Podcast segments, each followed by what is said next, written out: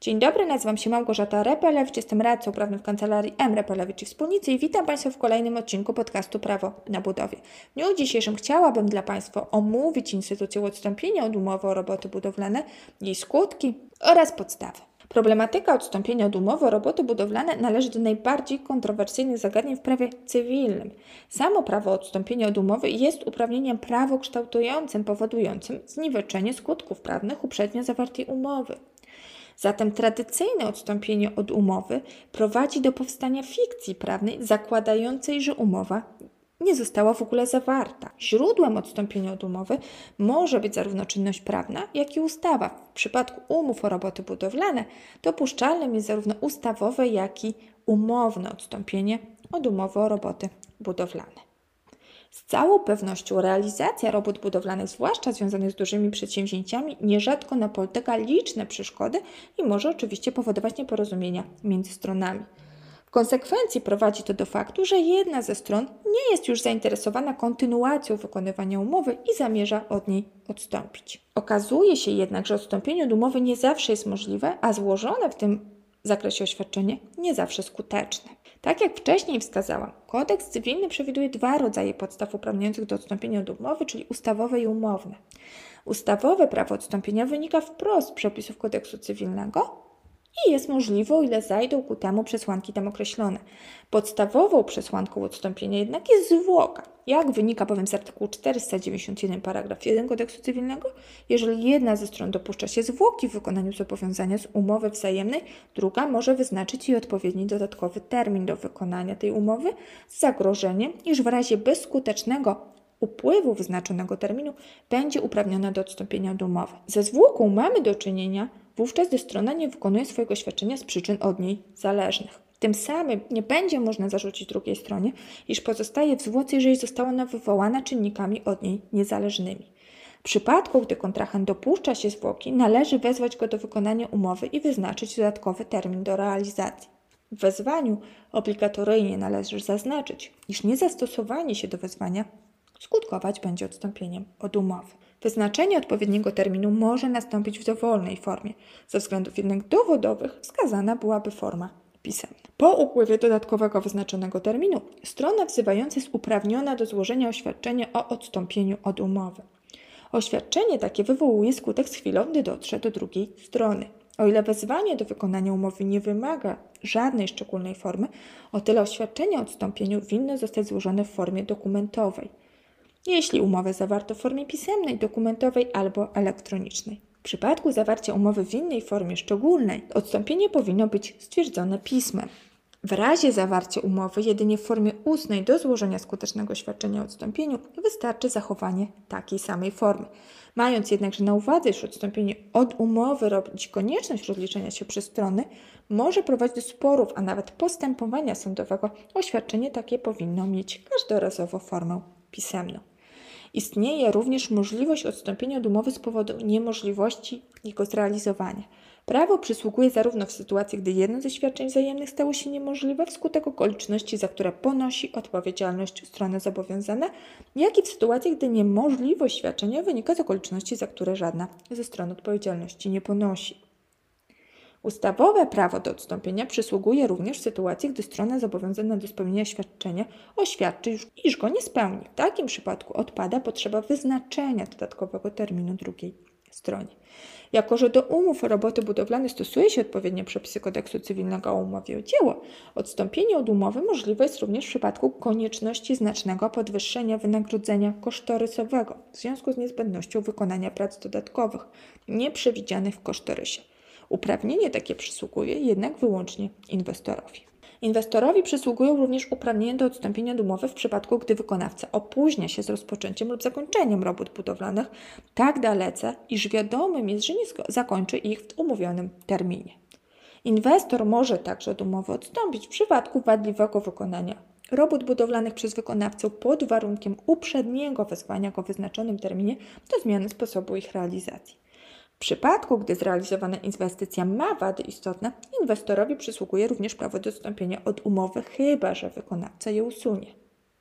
Inwestor jest ponadto uprawniony do odstąpienia od umowy w każdym czasie, dopóki dzieło nie zostało ukończone. O ile zatem strony w umowie nie przewidziały możliwości odstąpienia od niej z innych powodów, odstąpienie od umowy w oparciu o ustawowe przesłanki będzie możliwe tylko w przypadkach wcześniej omówionych. Mając na uwadze jednak zasadę swobody umów, strony mogą dopuścić w umowie o roboty budowlane inne powody uzasadniające odstąpienie od umowy. Możliwość taka może być zastrzeżona dla jednej bądź dla obu stron.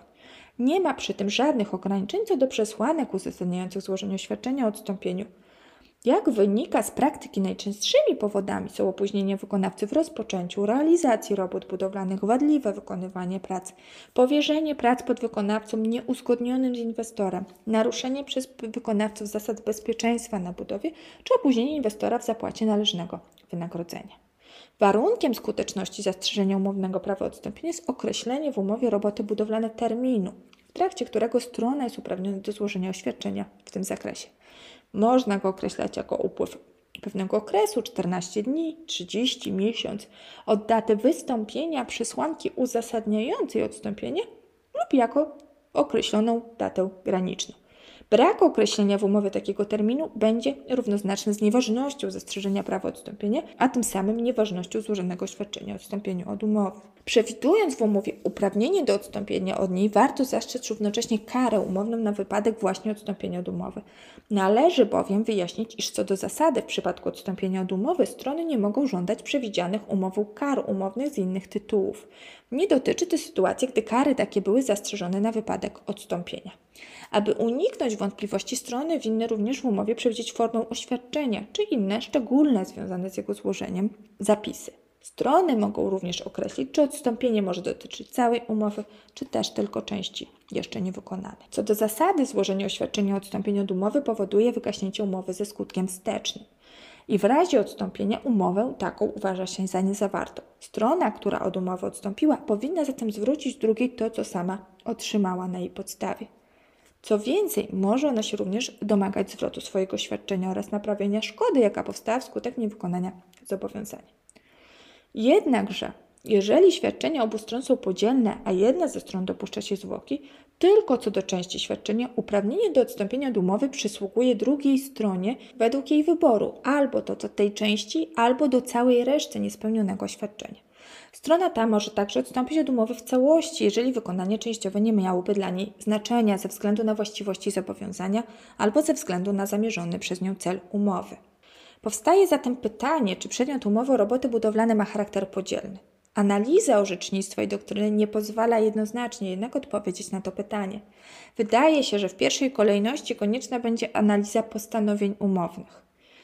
Sąd Najwyższy w wyroku z dnia 4 czerwca 2009 roku uznał, że o tym, czy świadczenie niepieniężne przewidziane w umowie roboty budowlane jest podzielne czy niepodzielne, decydują przede wszystkim postanowienia umowy.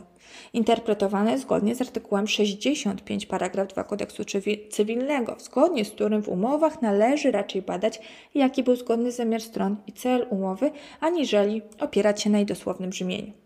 Jeżeli bowiem w treści umowy strony przewidziały procedurę dotyczącą zabezpieczenia robót, sporządzenia wykazów materiałów budowlanych, odbioru robót wykonanych i zabezpieczających oraz przejęcia placu budowy, to wyraźnie zakładały, że po ewentualnym odstąpieniu od umowy przez wykonawcę inwestycja zostanie dokończona przez kogoś innego.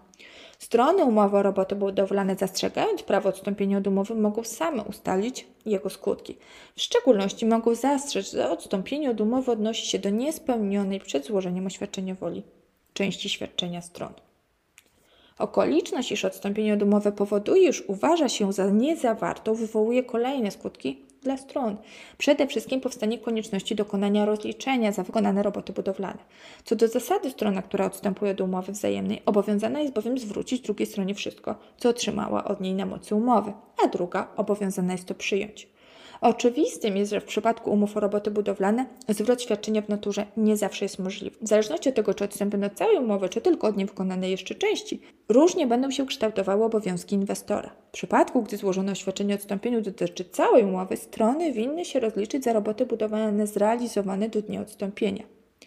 Jako, że umowę uważa się za niezawartą przy wycenie zrealizowanych prac, strony nie mogą kierować się kosztorysem, w oparciu o który ustalały w umowie należne wykonawcy wynagrodzenie. W takim przypadku rozliczenie pracy winno nastąpić w oparciu o stawki obowiązujące w dacie odstąpienia. W przypadku natomiast, gdy odstąpienie dotyczy tylko niezrealizowanej części, możliwe będzie posłużenie się stawkami przyjętymi przy wycenie konkretnych prac. W zakresie, w którym strony od umowy nie odstąpiły, wiąże ona strony. Tym samym, jeżeli do dnia odstąpienia jedna ze stron naliczyła drugiej stronie kary umowne, może ona się z nich skutecznie domagać. Niezależnie od zwrotu wzajemnych świadczeń, strona, która odstępuje od umowy, może również na zasadach ogólnych żądać naprawienia szkody wynikłej z niewykonania zobowiązania. Naprawienie szkody obejmuje nie tylko stratę, którą poszkodowany bezpośrednio poniósł, lecz także korzyści, które mógłby osiągnąć, gdyby mu szkody nie wyrządzono. Szkoda w postaci utraty spodziewanych korzyści ma zwykle charakter hipotetyczny. Dlatego też w orzecznictwie akcentuje się konieczność wykazania jej realności z dużym prawdopodobieństwem, która uzasadnia przyjęcie wniosku, że utrata korzyści rzeczywiście nastąpiła. Obowiązek wykazania szkody i jej wysokości spoczywać będzie na stronie, która od umowy odstąpiła. Jako, że w razie odstąpienia od umowy uważa się za niezawartą, strony nie mają wobec siebie żadnych innych roszczeń niż te wynikające z rozliczenia. Przede wszystkim co do zasady nie obowiązują już postanowienia umowy o karach umownych. Strony mogą jednak, jak zostało to już wcześniej wyjaśnione, zastrzec kary umowne na wypadek odstąpienia, jak również mogą postanowić, iż kary umowne zastrzeżone dla innych przypadków pozostaną w mocy po złożeniu oświadczenia o odstąpieniu od umowy. Mając na uwadze, iż katalog przypadków umożliwiających odstąpienie od umowy w oparciu o przepisy kodeksu cywilnego jest ograniczony, a nadto w większości przypadków zastrzeżony tylko dla jednej strony, warto w umowie roboty budowlane przewidzieć dodatkowe podstawy, które uzupełnią uprawnienia stron do złożenia skutecznego oświadczenia o odstąpieniu. Wskazanie podstaw i konsekwencji odstąpienia pozwoli uchronić strony przed ewentualnym procesem sądowym, a nawet jeżeli do niego dojdzie, na pewno będzie łatwiej przesądzić o racji każdej ze stron. Z całą pewnością umowa o roboty budowlane stanowi odrębną od umowy o dzieło umowę nazwaną, jednak mimo wyraźnie zaznaczonej odrębności, jej regulacje w dużej mierze opierają się na przepisach dotyczących umowy o dzieło. Na mocy artykułu 656 paragraf 1 kodeksu cywilnego, bowiem do umowy o roboty budowlane znajdują zastosowanie niektóre przepisy o umowie o dzieło. Umowując, wskazać należy, że następstwa odstąpienia od umowy mogą być dwojakiego rodzaju. Mogą wywierać skutek na przyszłość od chwili odstąpienia albo wywierać go z mocą wsteczną, niwecząc całą umowę. Zależy to zatem od podstawy odstąpienia w przypadku odstąpienia ustawowego albo od regulacji umownej w przypadku odstąpienia umownego, bądź też od oświadczenia strony odstępującej od umowy. W każdym jednak przypadku ustaje obowiązek wykonywania dalszych świadczeń z umowy. W przypadku odstąpienia z mocą wsteczną, literalnie rzecz biorąc, inwestor powinien zwrócić wykonawcy obiekt, który był przedmiotem umowy. Z przyczyn oczywistych jednak jest to niemożliwe. Dlatego zatem w takiej sytuacji inwestor zostanie obciążony obowiązkiem zwrotu wartości zniesionego obiektu. Tyle bowiem otrzymał w ramach zawartej umowy. Wykonawca natomiast winien zwrócić otrzymane wynagrodzenie. Co ważne, wykonanie prawa odstąpienia od umowy nie powoduje wygaśnięcia kar umownych zastrzeżonych na wypadek odstąpienia od umowy i powstałych w związku z wcześniej nienależytym wykonaniem zobowiązania przez wykonawcę. Odstąpienie nie przekreśla również uprawnienia żadnej ze stron do dochodzenia roszczeń odszkodowawczych, w szczególności w sytuacji, gdy odstąpienie skutkiem okoliczności, za które przyjmujący zamówienie ponosi odpowiedzialność. Zamawiający może niezależnie od prawa odstąpienia od umowy dochodzić na zasadach ogólnych odszkodowania z tytułu niewykonania umowy. W każdym razie, decydując się na odstąpienie od umowy o roboty budowlane, krok ten należy dokładnie przemyśleć, biorąc pod uwagę wszelkie jego konsekwencje. Za dzisiaj bardzo dziękuję, życzę spokojnego dnia i do usłyszenia.